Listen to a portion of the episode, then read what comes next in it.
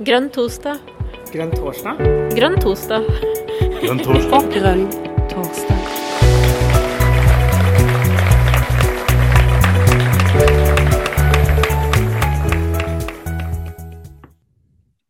Velkommen til Grønn torsdag.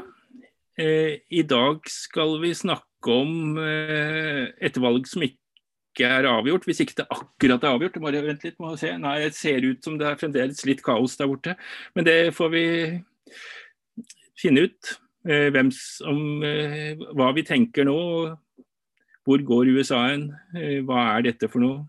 Så vi har fått med oss utenrikspolitisk talsperson Sigrid Heiberg for MDG, og så Jan Fadnes fra Lillehammer. Han hadde så mange titler at jeg ga litt opp, men han er i hvert fall li litt Han er innafor dette konfliktområdet. Vi kan se bort til USA og jobber aktivt med det, så det blir spennende å høre hva Jan sier underveis. Men aller først så må jeg si gratulerer, Karina. Du er blitt toppkandidat for MDG i Oppland. Det var vel ikke helt innafor hva du hadde tenkt at du skulle gjøre det neste tre kvart året? Nei, Det har ikke vært fremmed for meg, men, men uh, man kan jo ikke planlegge for, uh, for, det. Så det er jo en kjempeartig utfordring, og jeg gleder meg virkelig til å ta fatt på det. Og jeg må jo da samtidig få lov til å gratulere deg, Jon, med å være førstekandidat for Hedmark. Ja, takk. Jeg var jo ikke innstilt på topp, så jeg var jo, og jeg trodde ikke jo dette jeg trodde jeg bare kom til å tape kampen og topplassen, så jeg fikk jo et lite sjokk her på lørdagen. Ja. Men dette blir spennende. Så det, nå er det lange valgkampen som gjelder. Så da blir Karina og jeg blir enda mer aktive enn vi har vært hittil. Det blir litt voldsomt kanskje, så vi får se hvordan det går framover. Vi kommer ja. til å invitere noen toppkandidater inn i Grønn torsdag også. Mm. Det kommer vi til å gjøre, og, og, det er viktig for oss. da. Det må vi jo si, Jon, at Grønn torsdag skal være, være, et sted hvor vi diskuterer grønn politikk, uavhengig av hvilke roller Jon og jeg har i andre settinger. Um, men det ligger jo i kortene at vi nok kommer til å trenge litt ekstra hjelp med Grønn torsdag. Hvis dere kjenner noen, uh, gjerne noen som bor på Vestlandet eller i, eller i Agder eller Vestfold eller Telemark eller noe sånt, et annet sted i landet enn Innlandet og Trøndelag, så, så, gi oss gjerne et tips. Ja, veldig gjerne. Vi trenger hjelp. ja. Nei, men Det var uh, lite sidespor, men det var, det var, var, var en stor hendelse for, for, oss. Skal vi da kjøre i gang, Sigrid? Nå er det kommet på en hel haug med folk her, så da blir dette spennende. Så vær så god, ordet er ditt. Ja, eh, takk for det. Og veldig hyggelig at folk driver og logger seg på. Det er jo det er sikkert flere som har sittet nå i flere dager og fulgt med og fulgt med, enten på fulgt NRK sine valgsendinger eller TV 2 eller på radio eller alle de amerikanske kanalene. Jeg kan bare begynne med å si selv at uh, jeg sitter i Kaupanger i Sogn og Fjordane. Uh, og har fulgt valget slavisk siden, siden tirsdag. Og vi har jo på en måte havna i den verste den verste situasjonen som på en måte var forutsett som en mulighet. Da. At det fremdeles ikke er avklart, og at det er veldig veldig spennende. Jeg er jo samboer med en amerikaner sjøl, og han rakk akkurat å fakse inn stemma si. Fordi det er jo jæklig komplisert, det amerikanske valgsystemet. Altså. Og det er ikke bare bare å stemme via post eller via faks, da, som det viste seg at han måtte gjøre det er ikke så lett å hoste opp en faks eh, i, i, våre dager. Så, um, så, der har du min situasjon, da. Eh, og situasjonen nå, eh, bredt fortalt, det er jo at eh, ting ikke er avklart. Og det er veldig veldig spennende å følge med på det som nå skjer i Nevada f.eks. Der eh, det ser bra ut, eh, bedre og bedre ut for Biden. Men det er fremdeles Så han, vi kan jo begynne å liksom belage oss på at at Biden kan vinne dette valget. da. Eh, men så har jeg lyst til å si at det er jo litt sånn at norske medier har dekket dette valget og ikke, eh, i helt ekstremt stor grad lenge, ikke bare disse siste dagene, men lenge. Og før det så har han jo eh, dekt amerikansk politikk, og særlig alle Trump sine krumspring, veldig tett.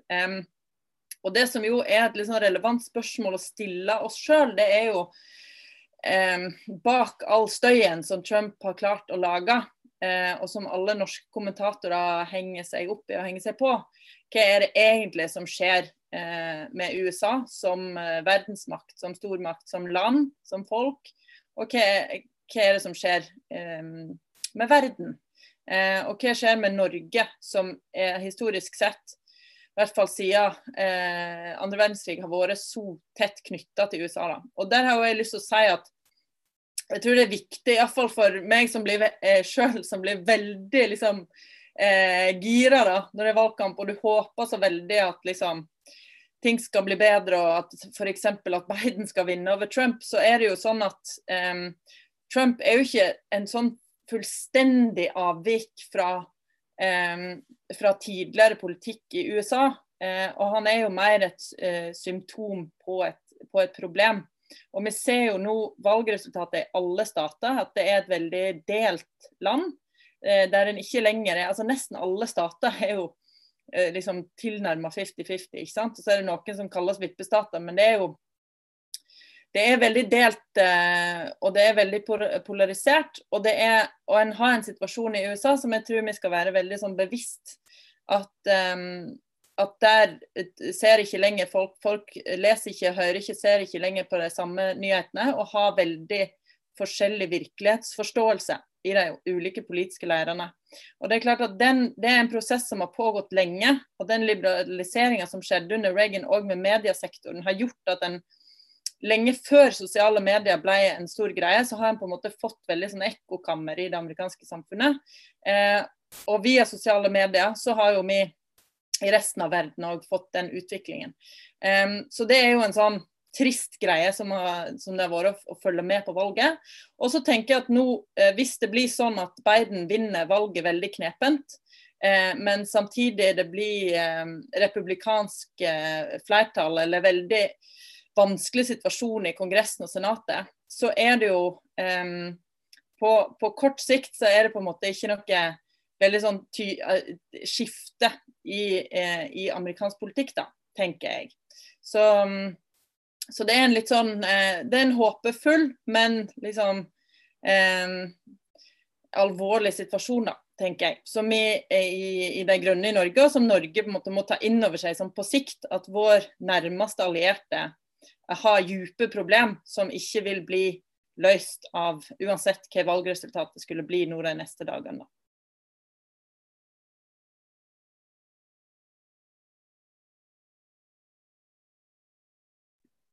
Ja, Jan? Ja.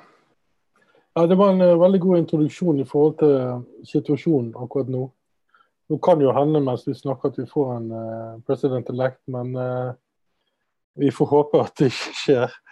Uh, så kan vi i hvert fall Men jeg, jeg, tror ikke jeg skal snakke så veldig mye om valget sånn som det går akkurat nå, men jeg kunne tenkt meg å, å begynne med meningsmålingene. Fordi at Det tror jeg peker på ekkokamrene som, som Sigrid, som Sigrid nevnte. At man har i veldig stor grad to virkelighetsforståelser i USA, eller to narrativer som går mot hverandre. Og, og det, det, peker på en, en, to veldig ulike kulturer. Det er veldig forenklet sagt, men det, jeg, jeg, tror jeg kan argumentere litt for det i forhold til hvorfor de amerikanske mediene eh, og da tenker jeg på de konvensjonelle mediene, altså TV-kanaler, avisredaksjoner og sånne ting. Eh, ikke skjønte hvor stor oppslutning Trump hadde. Jeg, eh, jeg, jobber som sagt i en organisasjon som eh, Jeg nevnte det for, eh, for helt i begynnelsen, at jeg jobber for en organisasjon som, som, som prøver å studere retorikken og studere ideologiene på høyre- og venstresiden i USA. Eh, med øye å prøve å depolarisere og prøve å få til en dialog. Det er det jeg har spesialisert meg i eh, i det siste, sånn akademisk. Og en kollega av meg han er ihuga Trump-supporter, og han har i det siste halve året virkelig fått meg til å skjønne hvor store forskjellene er. Og, og, og at det, det, er faktisk eksepsjonelt lite dialog. Og hvis man skal si at det er en dialog, så er det i høyeste grad republikanerne som viser størst vilje til å snakke om politikk. Eh, jeg så at eh, det kunne bli veldig tett. Og jeg var slett ikke overbevist eh, av gullstandarden ut av meningsmålerne. Nate Silver sin 538-nettsiden der. Der samler de meningsmålinger eh, nasjonalt. Og så gjør de et par sjøl. Eller de bestiller og, og kjører et par sjøl. Og så legger de opp et sånt snitt. Hva, hvor ligger vi igjen? Og det jeg tror at de misforsto mest, eh, og Nate Silver kommenterte det, og jeg syns det var veldig lite overbevisende, det var det såkalte shy voters eh, på republikansk side. At folk ikke ville snakke med meningsmålere fordi at de, de, de, følte at det var ubehagelig å tilkjennegi sin støtte til Trump, siden han er så upopulær og så ekstremt polariserende. Jeg tror han har rett i det at uh, de ville nok svare relativt ærlig at det ikke var så mye sjenanse. Og i hvert fall, hvis man ser på det som et argument, så kunne man også si at det ville forekomme på den demokratiske siden, spesielt i miljøer der det i all hovedsak Trump-velgere. Men det han ikke tok inn over seg, det var det at i det politiske landskapet i USA så har du tre hovedstrømninger. Du har en kulturkrig mellom venstre- og høyresiden. Og du har et sterk antietablissement eh, og antipolitikere eh, på Trump-siden. De liker ikke politikere. De liker ikke politisk spill. Og de liker ikke eh, etablissementet som prøver å måle det. De liker faktisk ikke meningsmålere. Så, og det er det faktisk en eh, veldig lur meningsmåler som har spurt Trump og demokratiske velgere om de mest ihuga. Og, og spurt dem ville du svart en meningsmåler om de ville spurt deg. Og da svarer 18 ut av de registrerte og Trump-velgere at de ville aldri svart. Og hvis de ville svart, så ville de svart demokratisk for å lure dem. Mens det var 8 ut av demokratene som ville svart, som ikke ville svart. Og hvis de måtte svare, så ville de svare demokratisk. Så der har du allerede, kan du kanskje legge til et par prosentpoeng. For når jeg går inn på de konservative mediene, sånn som Breitbart, Fox News, på kommentarfeltene på Infowars og alle disse stedene som har høyreradikal eller ja, veldig høyrevridd, så er det veldig ofte at det kommer en kommentar at ja, nå ringte meningsmålet meg, og jeg svarte demokratisk. Jeg svarte Biden, ha-ha-ha. Og så får du kommentarer ja, det gjorde jeg òg, ja, det gjorde jeg òg, ja, det gjorde jeg. Så jeg skjønte tidlig, basert ikke bare på det, men på også andre eh, metodologier fra andre meningsmålere som viste et annet resultat. At dette her kom i hvert fall ikke til å bli en blå bølge. Og hvis det ble en bølge, så måtte det kanskje være på den høyre siden. Eh, jeg tok heldigvis eh, eh, for hardt i der. Um, men, men, det viser at vi, vi, forstår ganske lite ut av amerikansk politikk. Eh, og amerikanerne har også problemer med å forstå høyresiden. Og en av de tingene som gjør meg litt trist, det er at vi har veldig dyktige journalister i NRK på TV 2 og i andre medier, men de underrapporterer hva republikanerne faktisk tenker. For det at før jeg ble kjent med republikanere, så kunne jeg ikke begripe hvorfor en eneste person, unntatt Trump sjøl, ville stemt på den mannen. Jeg, og jeg har studert politikk i, i ti år. Jeg kunne bare ikke hva det er, en, det, er en, det er så åpenbart at han er en narsissist. Og at han er en malignant narsissist. Altså at han har eh, svært lite til overs for eh, moralske overveininger for hva, for hva valg han tar. Så, og, og, og, og, alt dette som kom frem i nyhetene, og den, den måten han eh, uttrykte seg på. Eh, og han er mislikt blant et, ja, Vi vil kanskje si opp imot 15-20 i forhold til de meningsmålene vi har, som vi kan kanskje stole litt på så er han mislikt oppimot 20 ut av republikanerne. De hater mannen. De kan ikke fordra han.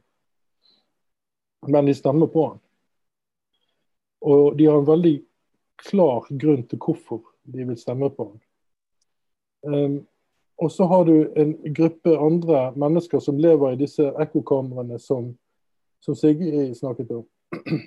Og en del av de er veldig politisk aktive. Så i disse dager så det så kommer det to kvinner inn i Kongressen på den republikanske siden, som er QAnon.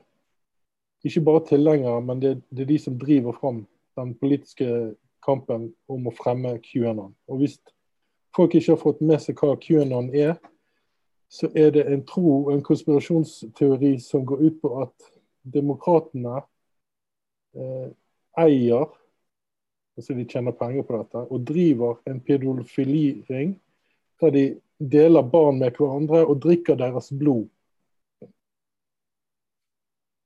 Um, og uh, disse demokratene har for øye å drepe Trump og utrydde det republikanske etablissementet som heier på Trump.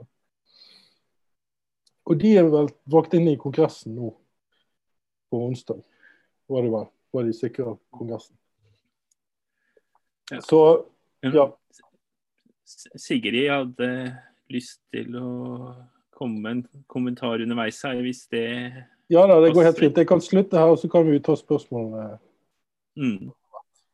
Ja, jeg hadde bare lyst til å uh, være litt sånn uh, positiv på fordi det, det, er lett å liksom um, henge seg opp i alt som er galt i USA. Da. Jeg gjør ofte det sjøl. Men jeg har lyst til å si at Altså, Amerika er jo et utrolig fascinerende land, og det er jo på mange måter ikke et land. Det er et kontinent med 50 ulike, veldig ulike stater og et stort, eh, interessant demokrati. Eh, og eh, i det vi har sett i dette valget, er jo rekorddeltakelse i valget. Og bare det er jo helt sånn utrolig rørende, egentlig, og, og imponerende. Det er altså et land som er ekstremt hardt rammet av pandemi. Det er et land der eh, myndighetene, og særlig det republikanske parti, har lenge har laga system for å gjøre det vanskelig for Altså lenge. Det har jo alltid pågått. ikke sant? Det var jo eh, å gjøre det vanskelig for folk å, å stemme, særlig da visse grupper, f.eks. svarte, områder der svarte bor, ikke sant, osv. Eh, det er et system med veldig mye av det en kan kalle voter suppression at eh, folk har stått i kø i 10-12 timer i hete for å, for å gå til stemmeurnene, som er jo bare helt sånn ufattelig kult, egentlig. Eh, og det er altså eh, rekordmange. Det, det, er vel 120 år siden sist det var så stor prosentandel som stemte i et valg. Eh, Biden har fått eh, over 70 millioner stemmer, som er flere enn det Obama fikk i 2008. Så jeg har bare lyst til å legge til det perspektivet. Um, og så er det klart, det vil sikkert analyseres opp og ned i mente tida framover. Og sånn, og er det en mobilisering for Trump og mot Trump, eller hva er det? Uh, og, og, der har jeg også lyst til å legge til å liksom bare ta et, enda et steg tilbake. da, For det er jo så mye. Vi, vi hører om dette på, på nyhetene hele tiden, alle mulige detaljer og sånn. Men jeg tror liksom det er lurt å ta et steg tilbake og diskutere hva, hva er USA da, og hva er Norge f.eks. Og jeg tror at Norge som nasjon vi har et selvbilde som er veldig basert på at vi er små, at vi pleide å være fattige. Vi har et veldig sånn inntrykk av at liksom, eh, så fant vi olje på 70-tallet, og så ble alt bra, og vi har fortjent alt vi har fått, for vi har jobba så hardt. Eller i hvert fall så hadde vi en bestefar som jobba hardt. Eh, og vi er veldig snille i verden. Det er en del sånne ting som er vår nasjonale fortelling. da. Og så stemmer jo ikke den alltid helt med virkeligheten. ikke sant? Norge ikke var vi så veldig fattige. Eh, vi hadde velferdsstaten godt på plass lenge før vi fant olja.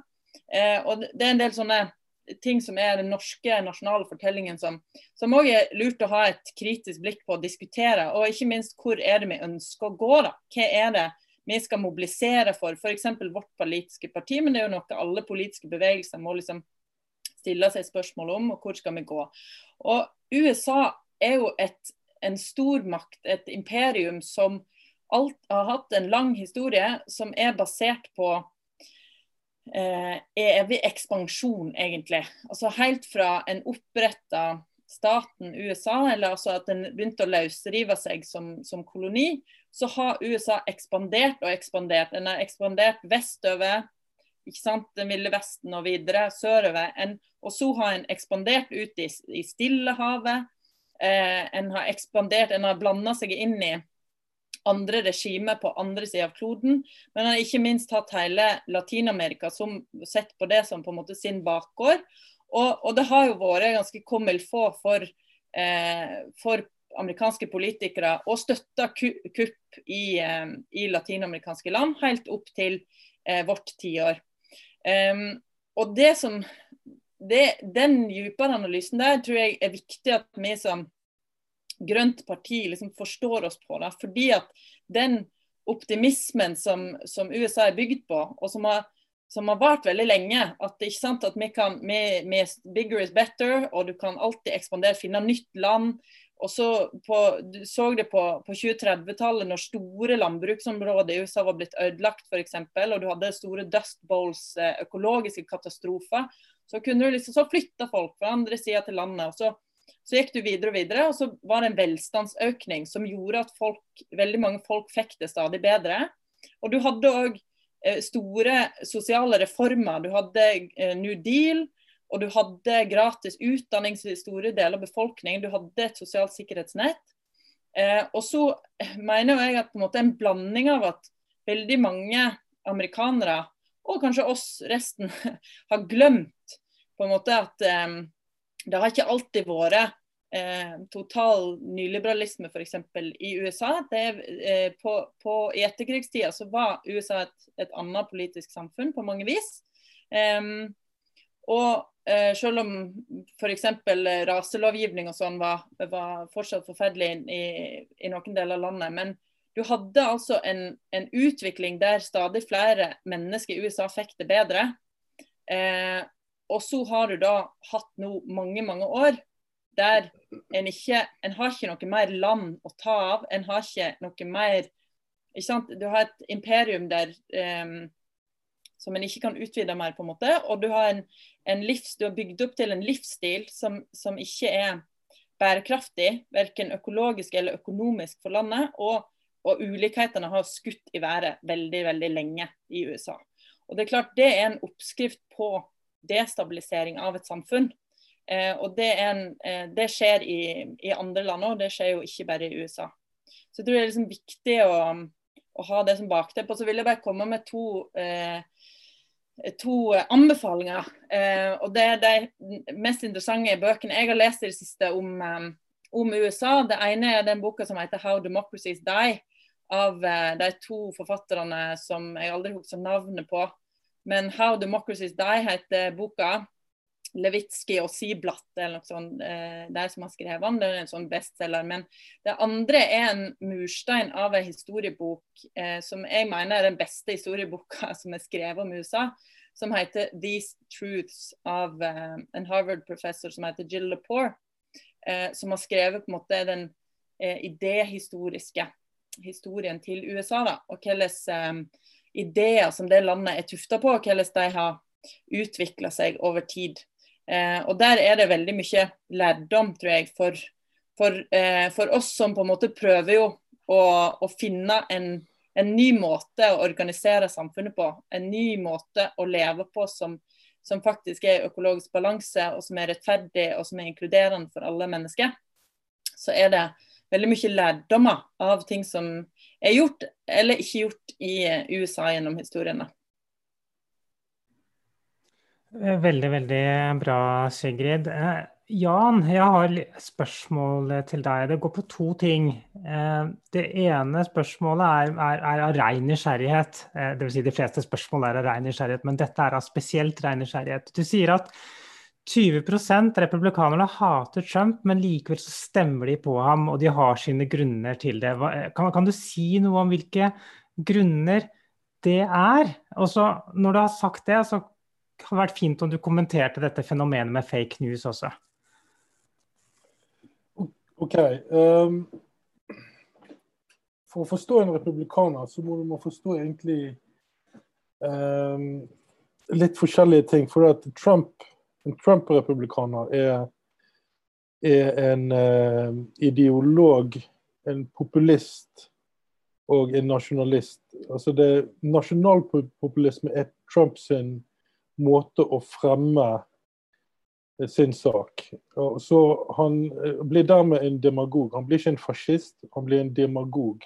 En som driver det populistiske.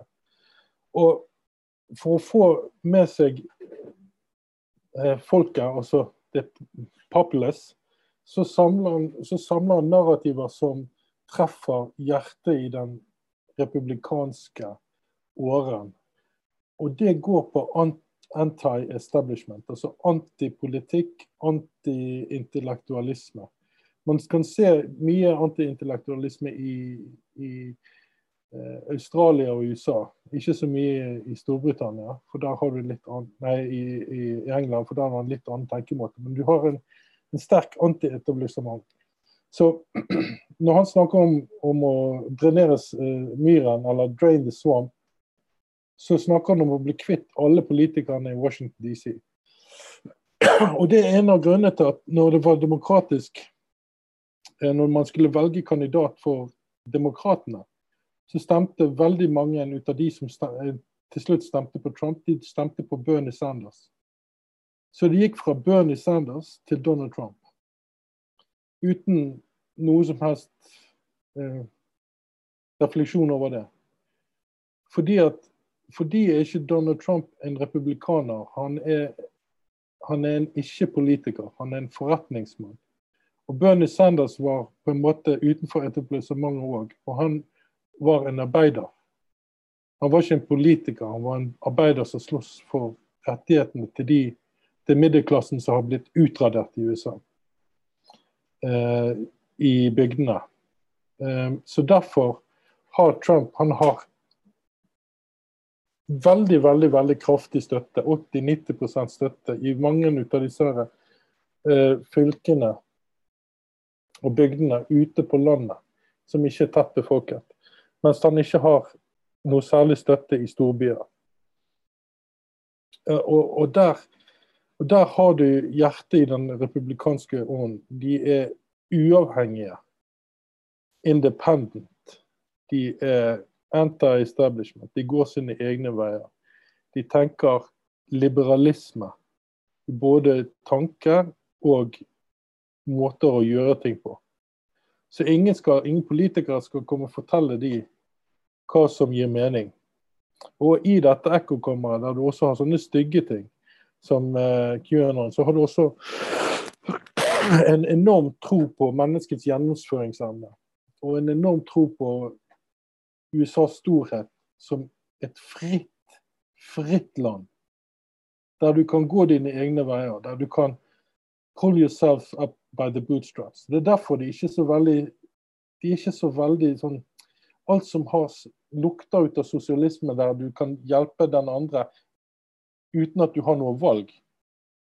Hvis du ikke har noe valg til å hjelpe de andre, så er ikke det bra. Men hvis du har et valg der du kan være med på å gjøre og bidra til samfunnet med å gi gaver eller eh, bruke det av din tid, så er de noe av det mest gaverike og eh, tidsbrukende ut av hele den amerikanske befolkningen.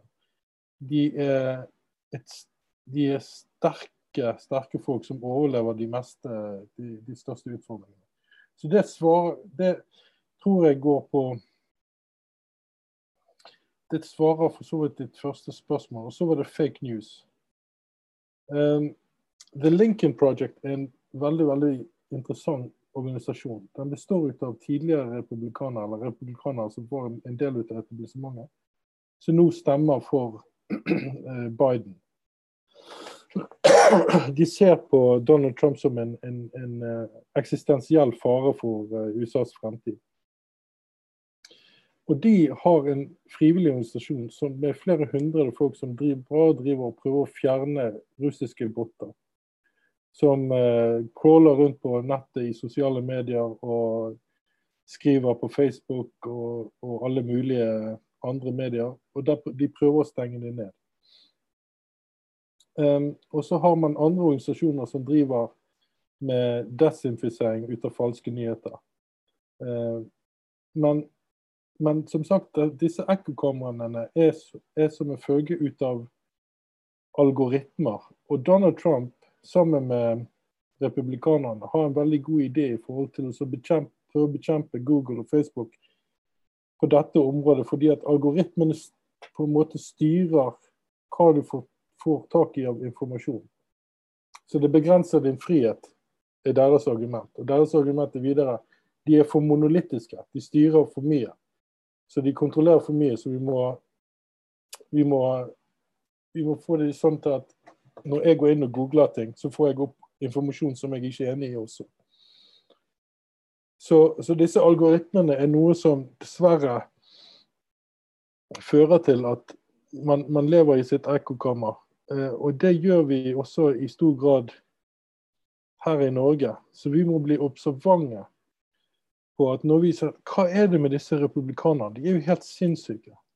Sant? Hva er det de holder på med? Så Istedenfor å tenke sånn, så, så rett og slett OK, hva er det de holder på med?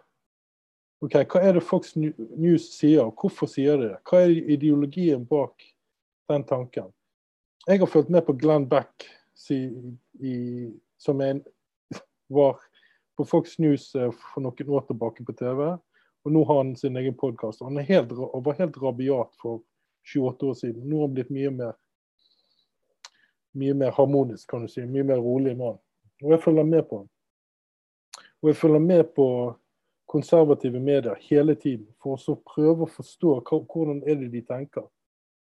Så jeg tror at hvis man skal som en politiker, MDG-politiker, prøve å ta inn over seg hvordan ikke bare amerikanerne tenker, eller republikanerne tenker, men også hvordan Siv Jensen tenker.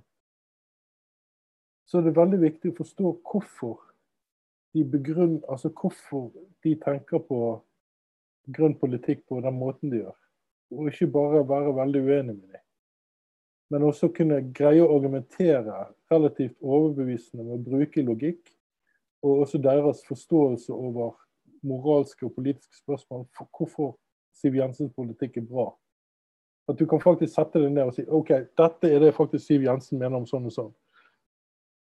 Uh, og rett og slett uh, begynne å snakke med dine politiske motstandere.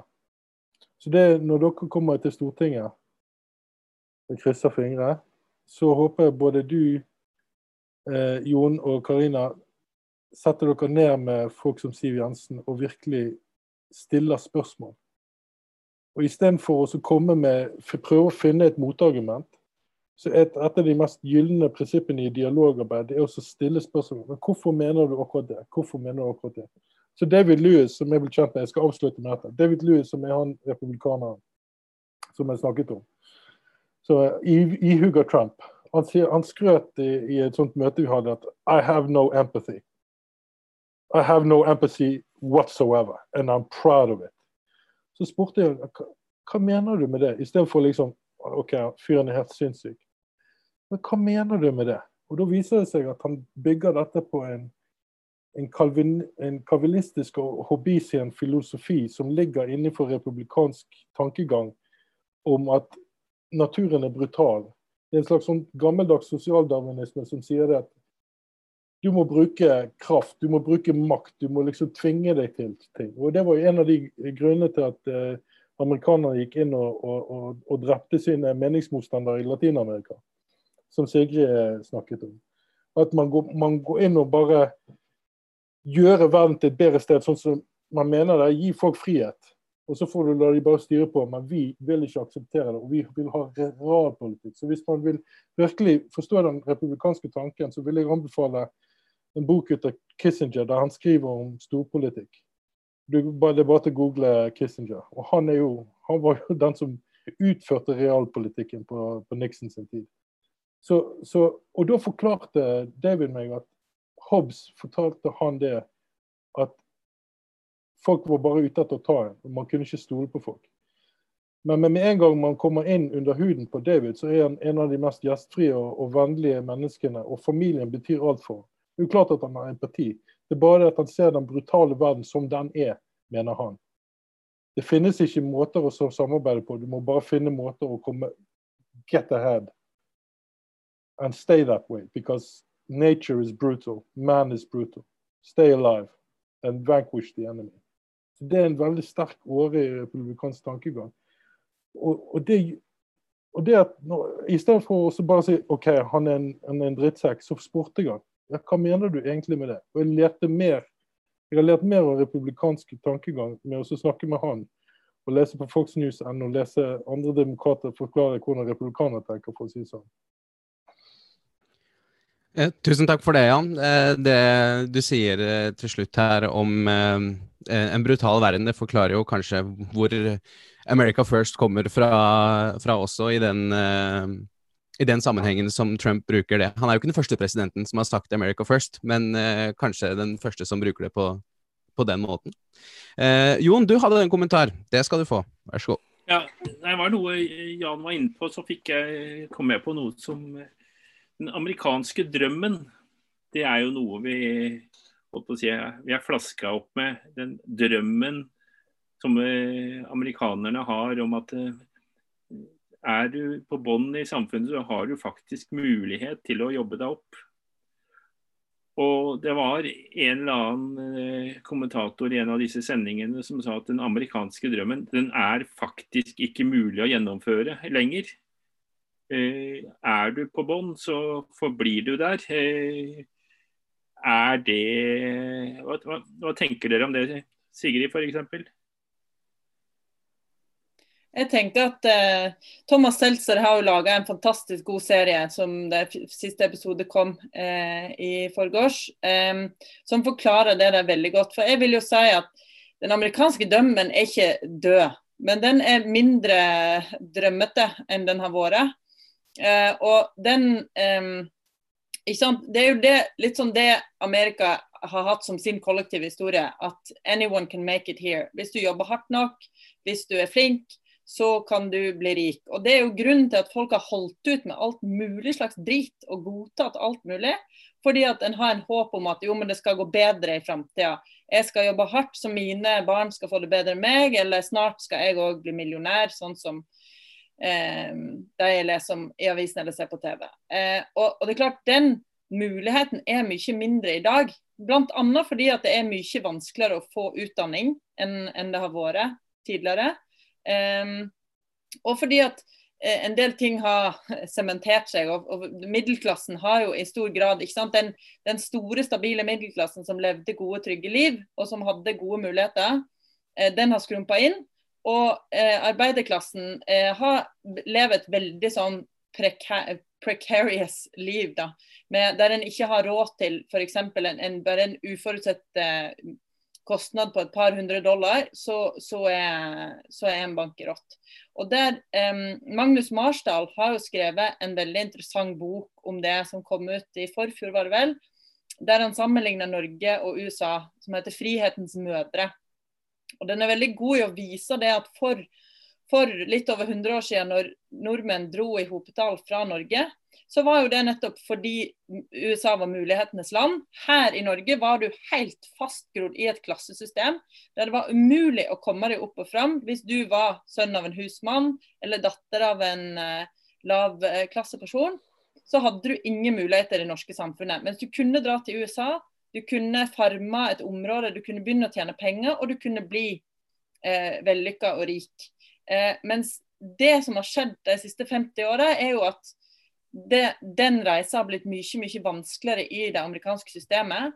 Eh, fordi færre får tilgang til utdanning, færre får tilgang til nettverk og all mulig slags, ikke bare hard kapital, men sosial, kulturell, all mulig kapital som en trenger for å klare seg. Mens det har blitt stadig enklere i Norge. Så eh, Marsdal argumenterer jo veldig for at den amerikanske drømmen er sterkere eller lettere å oppnå i Norge i dag enn, enn den er i USA. Og Det tror jeg jo veldig mange amerikanere òg føler på. At de, de, har sett at de siste 30 åra har blitt vanskeligere. Økonomien har blitt trangere. Eh, Minstelønna er kjempelav. Og veldig mange har mista realinntekt de siste tiåra. Eh, men, men jeg, ikke, jeg tror at veldig mange amerikanere er utrolig optimistiske og liksom fortsatt, eh, fortsatt mener at det, det, skal bli bedre og det finnes muligheter. Men optimismen er mindre enn den var tidligere. Takk skal du ha, Sigrid. Det var en god kommentar. Eh, Birgitte, du har eh, tegnet deg, så hvis du unmuter deg selv, så skal du få ordet. Ja, tusen takk. Um det er veldig spennende å følge med på. Det er veldig lærerikt. Og jeg må si Jan, at det er veldig spennende å høre om republikanerne. fordi eh, det vi får i media her, det gjør jo at man får hele eller alle republikanerne, alle, ikke sant, ganske langt opp i halsen eh, pga. det bildet som blir gitt. Um, men det som jeg eh, Altså, jeg syns jo hele denne valgkampen har vært ganske sånn begredelig skue, i hvert fall det vi har fått tilgang på. Nettopp fordi at det er en person som fremstår så som nettopp det du kalte malign narsissist. Uh, og da leter jeg litt etter lyspunkter, og jeg syns at det er Eller um, det er også litt sånn spørsmålet, da. For det er også litt sånn kanskje karakteristisk for norske medier. Hvorfor er det f.eks. nesten ingen som har sagt at uh, Alexandra Ocasio-Cortez har blitt gjenvalgt med 70 av stemmene i, i, der hvor hun kommer fra, og resten av The Squad, som er fire svarte, eller man, hvilket ord man bruker der for at det ikke skal liksom bli galt, uh, som også har blitt gjenvalgt, faktisk. Uh, og Det er jo sånne ting som jeg prøver å lete litt etter i dette valget. fordi uh, uansett hvordan utfallet blir, så er de faktisk gjenvalgt. og det er de har jo kanskje nettopp klart det der, da. De har, de har, levd, de har levd, den drømmen at det, det, skal kunne gå. Vi skal klare det. Det er tøft, men de har jo faktisk klart det. Uh, og hvorfor? Um, hvorfor er det så utrolig lite fremme i norske medier? Uh, at fire kvinner har klart å komme seg inn igjen. Uh, hvorfor diskuterer vi bare disse to gamle mennene? Um, og Hvis dere syns at dette er helt på siden, det er tross alt det samme valget, så er det helt greit å la være å svare. Men jeg har rett og slett bare lyst til å fremheve akkurat det positive i det. Uh, og hvis noen vil kommentere det, så ja, tusen takk. Jeg kan gjerne kommentere det med et Jeg vil bare gå tilbake til Sigge Sigrid snakket om Magnus Marsdal. At For 100 år siden så gikk, eh, reiste nordmenn over til USA. På den tiden så det, hadde man en, en, sterk demokratisk og en republikansk eh, kongress som samarbeidet veldig mye. Og man betalte 70 eh, skatt. Man hadde mer skatt der enn i Norge i dag. Eh, og man hadde en veldig god økonomi. Relativt god økonomi, naturligvis. Det gikk jo ikke så, så bra på, i, med den store depresjonen. Men man hadde, man hadde, en sterk union også. En sterk eh, sosialistisk bevegelse. Eh, alt dette her var en del ut av både en republikansk og en republikansk nei, demokratisk og republikansk libertanisme. Altså en, en frihetstenkning som skulle gi en mulighet for alle, uansett om du kom fra arbeiderklassen eller høyere opp. Og Det var en, en, en likhetstanke der som var enestående. Eh, dette her forsvant jo mye i Reagan-perioden. og Man fikk en kontradiksjon i det republikanske partiet der man hadde med å skape så mye økonomisk frihet og fri markedstenkning, så skapte man også sterk ufrihet med, med, med handlingslammelse blant uh, visse sosiale lag. At man ikke kunne bevege seg opp. Og i dag, uh, på, på 1920-30-tallet, så hadde man ekstremt sterke unioner som varte helt fram til Altså sterk fagbevegelse som varte helt fram til 70-tallet. Og i dag er 5 i, i en eller annen form for fagbevegelse. Og de blir hundset dagen lang. Og en av grunnene til at eh, min organisasjon kommer til å samarbeide med regjeringen i å lage dialogprosesser med republikanere og demokrater. Det er de, den store organisasjonen som skal ta seg som skal drive med megling mellom eh, private næringsdrivende og fagbevegelsen, de har ikke nok jobb å gjøre. For det finnes nærmest ingen folk som er i fagbevegelsen lenger. Så Derfor prøver de ut, utvide mandatet sitt og så også drive med megling mellom republikanere og demokrater.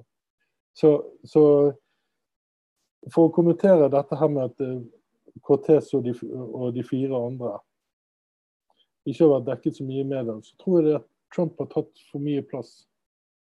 Trump, fordi Trumps retorikk er ekstremt farlig. Og, eh, og veldig, veldig polariserende. Og, og, det tror jeg både Det tror jeg republikanere som er imot han skjønner. Um, men jeg tror ikke folk generelt skjønner hvor farlig han er. Uh, og, og, dette er jo det jeg uh, driver med. Altså, jeg tok jo denne uh, Doktorgraden min handler om dialogarbeid. Og man kan måle prosentvis Før Trump kom til makten, så var det rundt 4 ut av demokrater og 6% ut av republikanere som var villige til å bruke vold for å fremme en politisk sak. Nå ligger begge godt over 15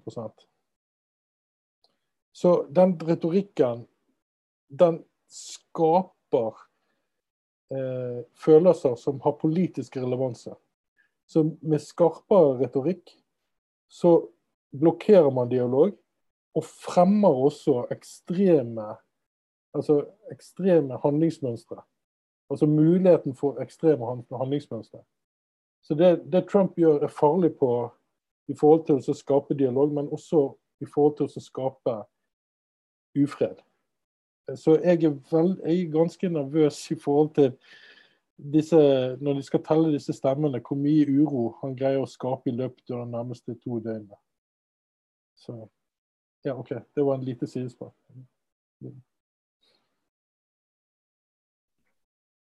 Kan jeg få legge til litt?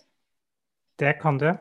Um, for jeg tenker uh, Vi snakker jo generelt altfor mye om Trump, så jeg har ikke lyst til å snakke så mye om han. Men, men det er klart, den uh, den utviklingen som har blitt forsterka under hans presidentskap, som er svekka tillit til de demokratiske institusjonene, en enda større politisering av det juridiske systemet, som har pågått lenge i USA. Men altså, alle de tingene har blitt veldig forsterka. Og han har jo aktivt gått inn for å svekke truen på alle deler av statsapparatet. Eh, og på til og med stemmegivning i seg sjøl. Det er klart det er veldig skummelt. Og Vi så nå at over 30% av amerikanske eh, folk som gikk og stemte, mente at det viktigste de stemte på en presidentkandidat, var en sterk leder. Eh, og det, det, er en veldig og Jeg skal ikke kalle eh, Trump en fascist, men det er en del strømninger der som virkelig er farlige. da. Og Samtidig så har jeg lyst til å si at Amerika er et veldig eh, har veldig sterke institusjoner og er et mangefasettert og komplisert system. Så jeg tror Det at det er veldig mange som har nevnt ordet borgerkrig i det siste. og Det tror jeg vi skal liksom roe oss et hakk ned med. Det er veldig usannsynlig at noe som ligner på det, skal skje på veldig, veldig, veldig mange år. Eh, men, men, det er klart at den volden Amerika er et veldig voldelig samfunn. Det har det òg vært lenge. Det er polarisert, det er masse skytevåpen overalt. Eh, og Det er klart at den, det, er, det, er, vold. Og, og Jeg snakka med amerikanske venner de siste dagene. I, I, fine nabolag i Massachusetts, i rolige liksom der, der en ikke skulle ha grunn til å tenke at noe skulle skje. Der har en barrikadert butikkvindu og, og holdt på å liksom forberede seg på det verste. Og det er klart, Litt, eh, litt vold vil nok eh, ha skjedd, og det, det vil skje framover. Men jeg tror òg at måte, de, de, amerikanske demokratiske institusjonene er sterke. og Dette er en veldig test på dem, men, men, men, de er veldig sterke. Og så har jeg bare lyst til å si to, to momenter. og Det ene er liksom at når vi drar opp Trump, så ja, han er veldig ekstrem. Men det er klart, er ikke, det er ikke første gang det er en korrupt president i USA. ikke sant? Det er bare Huxa Nixon. Det er ikke første gang en president går til valg med, med liksom eh, eh, og hinter om Ku Klux Klan og white supremacy. Ronald Reagan gikk òg til valg med 'Make America Great Again' som slagord. Og det finnes andre presidenter som har hatt enda tettere bånd til white supremacy. og det at eh, ikke sant, Trump, eh, Nå gikk jo USA ut i går fra, offisielt fra Parisavtalen og tråkker seg fra internasjonale avtaler på 90-tallet under Clinton så gikk heller ikke USA med i Kyoto-avtalen. De, de, har aldri vært med på Den internasjonale straffedomstolen. Så det er, liksom, det er mange ting som, som jeg føler at vi i de siste fire årene har hatt en tendens til å tenke sånn ja, uff a meg, Trump er ille. Men det er veldig mange, det er veldig mange ting også som, som er helt uavhengig av Trump. Og, det, og den mediedekningen vi har hatt i Norge òg, er jo på en måte, og jeg er helt enig, Vi skal ikke underspille det, at han er en farlig mann og står for mange farlige holdninger og eh, utsagn og handlinger og alt mulig. Men, men dette er jo òg mye større enn en han og mer komplisert enn det. Og jeg har veldig tro på at USA kan liksom snu rundt mange av, av det, de prosessene som nå ser veldig at det ser mørkt ut. da. Det er mange ting som kan snus, tror jeg. Ja, og er det noe vi kanskje skal ta med oss fra historien, er jo at uh, i USA så kan de snu seg fort rundt når det først er uh, behov for det. Uh, og det. Og det er jo en, en trøst for oss stakkarslige europeere som sitter maktesløse og ser på det store skuespillet som skjer over Atlanteren.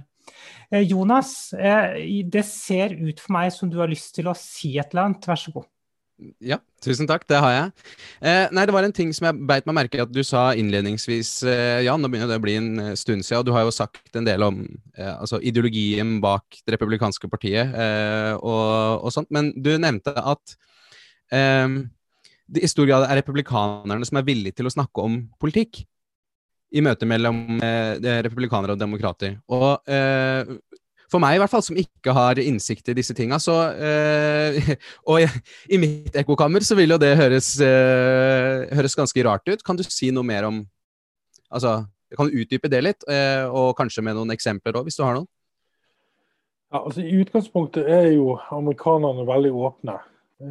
så, så det, er, det er kanskje en, en sannhet med, med modifikasjoner. Men hvis man først diskuterer politikk, og hvis man først diskuterer politikk med sine meningsmotstandere, så er det helt åpenbart at demokratene er, er lit, mye mindre villige til å gå, en, gå, inn i en dialog med republikanerne enn omvendt. Man møter en sterk moralsk avstand. Og det kan jo man egentlig forstå. Altså, jeg er jo en del av denne gjengen her. Så jeg har sterke moralske antakelser om verden, og jeg ønsker å oppføre meg på en bestemt måte. mens når, når, eh, når David uh, f.eks. roper 'I have no empathy and I don't give a shit', sier han. sant? Og kan oppføre seg gjerne litt vulgært og kontrær og sånn. Så er det jo ikke Det, det, det byder jo ikke akkurat til en, en, en, en, god dialog. Men hvis man kommer seg forbi disse tingene og begynner å forstå hvordan tenkemåten er. Og tar seg tid til å sette seg ned med en republikaner, så ser man ofte det at det er demokratene som først går vekk fra forhandlingene. Dette har jeg sett ganske mange ganger. En annen ting er at det vokser en, en, en sterk identitetspolitikk på venstresiden, som Trump har peket på. Men det har vært en sterk strømming lenge, og konservative har pekt på dette ganske ofte. Og de har fått sterk plass på universitetene. Uh, og de har fått en sterk plass i, i Human Rights Offices uh, rundt om på de private og offentlige kontorer, som er en ganske intolerant tenkning. Um, og den venstresiden er ganske farlig. Den, den, er litt, den, er ganske annerledes enn det vi ser i Europa og i USA. og vi har ikke så, Eller i Europa generelt, og vi har ikke så mye god tid med å komme inn på det. Men jeg vil anbefale en bok som er skrevet ut av Lindsay og James Lindsay og Helen Pluckrose, som heter 'Cynical Theories'. Som går ut på eroderingen ut av liberale prinsipper på universitetene i USA. Der konservative mer eller mindre har blitt utradert som meningsbærere. Og det, sier, det er kanskje litt dramatisk, men de får gjerne ikke lov til å gå inn i en dialog uh, uten at de da blir stemplet som, uh, som uh, mer eller mindre rasister eller, eller lignende. Sånn som Jordan Peterson, som en, blir beskrevet på, langt på høyresiden. Han var en demokrat i Canada og en ganske sterk liberal fyr som er relativt langt på venstresiden. Han blir beskrevet som en høyrekonservativ fordi han har meningsytringer som går imot den formen for ideologi. Så, så, bare det at jeg nevner Jordan Peterson uten å gjøre disse kvalifikasjonene, gjør at folk bare Jordan Peterson, hører du på han? Eh, men hvis du virkelig setter deg inn i hva han sier og hvordan han tenker, så det er helt fornuftig. Og, det, og hans politiske menings, meninger ligger eh, mellom Arbeiderpartiet og Høyre, hvis man skal gjøre en sånn lettfattelig sammenligning. Så, så det, det, er et viktig moment som jeg, jeg, jeg, ønsker at Som er veldig underrapportert i norske medier, men også ganske underrapportert ellers. Så man finner disse tenkene, tankene og disse ideologiene på i the intellectual dark web, hvis man kjenner til den, eh, den bevegelsen. Men det er som sagt på høyresiden, fordi at det er en sterk liberal tradisjon på, på, litt på høyresiden. Så når dette, blir, eh, når dette blir diskutert, så er det kun de som er, ligger på, i sentrum og litt mot høyre, som snakker om det. Men det er veldig mange venstrefolk som, som blir offer for den type tankegang. Hvis man ytrer seg liberalt på universitetet, så kan man kanskje bli utestengt, selv om man er til, langt til venstre for for Bernie Sanders, sånn som skjedde med en som heter Brett Weinstein, som jeg anbefaler dere å sjekke, sjekke, ut. Brett Weinstein. Han, uh, han, var professor på The uh, Evergreen College utenfor Portland. Så han ble utsatt for ganske sterk hetsing fra venstresiden. For han var, han var biolog, og han hevdet at det var biologiske forskjeller mellom kvinner og menn. Yes.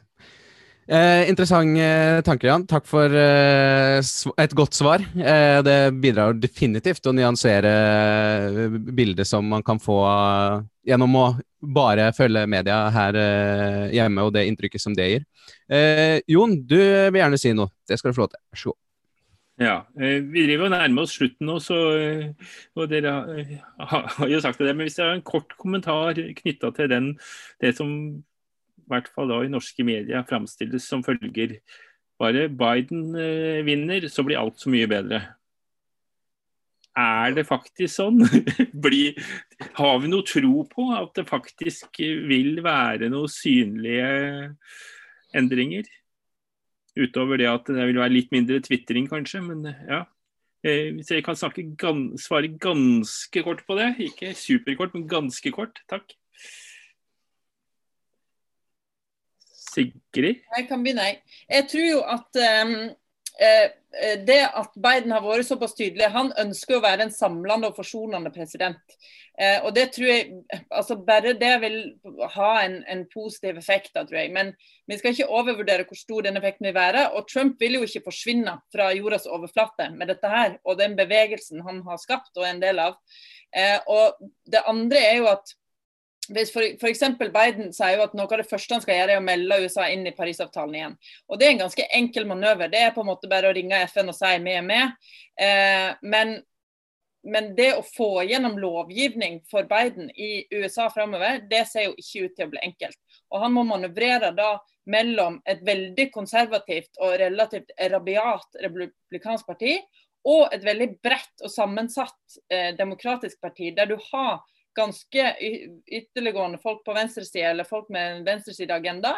Og du har jo alt imellom og, og, og veldig konservative folk i det demokratiske partiet. Så man holde den gjengen samla og manøvrere med republikanerne.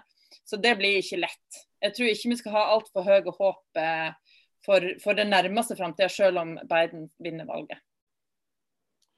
Ja, så skal jeg komme med en veldig kort uh, tilleggskommentar. Når, uh, når Biden nei, når, når senator John McCain for eh, republikanerne døde, så holdt uh, Joe Biden hans tale, altså hovedtale, i begravelsen. Og han begynte med I am a Democrat and I love, Joe, and I love John McCain. Og, så det finnes sterke bipartisane ideer i Joe og jeg tror at han kan gjøre en veldig viktig rolle i å dempe retorikken og prøve å skape en depolarisering i Kongressen. og kanskje Senatet. Men han samarbeider, mot, han samarbeider med en som er ganske, ganske ganske vanskelig å samarbeide med, med i Senatet. Um, så, så, det kan bli svært krevende. Um, men jeg har veldig tro på at han kan være med på å dempe det. Men at skismene i for øvrig i samfunnet eh, vil dempe seg, at det vil skape jeg, jeg, tror at det var en genistrek å ha Biden på den demokratiske ticket nå. For i hvert fall redde det som eh, de, den sterke uroligheten som spredde seg, og bare for å dempe ned, sånn at man kan begynne å skape dialog. Jeg vet ikke hva som vil skje. Jeg har, har sterk tro på at amerikanere kan, kan, komme seg gjennom det. Men da må man gjøre noe med mediebildet. Og man må gjøre ganske mange forskjellige ting, for jeg ser at ting kan bli verre istedenfor bedre utover, dessverre. Men eh, jeg er enig med alt som Sigrid har sagt som, i forhold til positiviteten i, Norge, i, USA og kapasiteten deres. Ja. Takk. Da, det, da, vil jeg bare nevne Jon, at nå, det, nå, gir myndighetene i Georgia oppdatering på opptellingen for de som er interessert i, i det. Jeg er overhodet ikke interessert. eh, så gudene veit hva de sier for noe. Eh, på opptellingen så står det jo fremdeles som uavklart, så det er i hvert fall ikke kommet noen nye offisielle tall. Det kan vi i hvert fall eh, si å ha på det rene. Men tusen, tusen takk eh, både til Jan og Sigrid for fantastisk eh, bidrag eh, til denne ukens Grønn torsdag. Jeg har i hvert fall kost meg veldig. Jeg føler jeg har blitt litt smartere på amerikansk politikk. Og jeg har kanskje lært det at det kan være greit å være litt mindre fordomsfull og forsøke å være litt mer forståelsesfull når man prøver å, å, å forstå sine motstandere. Um, så det, det, det, sitter jeg igjen med, og det takker jeg dere for. Jon, vær så god. Du brukte ordet 'litt', registrerte jeg. Ja, ja. Eh, det har kommet inn en forespørsel om litteraturreferanser. Eh, hvis eh, både, både, Sigrid og Jan refererte til noe, om, om, vi kunne få det på mail, så kunne vi lagt ut det på, på, på Facebook eller på et eller annet. Jo, det høres ut som Facebook. Ja. Mm knytta til dette arrangementet. Ja. Eh, er vi ferdig? Ja, vi har gått eh, 63 minutter. Vi pleier å være ganske firkanta på tida, men eh, vi kunne jo holdt på i tre timer. Ingen tvil. Stort engasjement, veldig bra. Kan jeg bare si noe?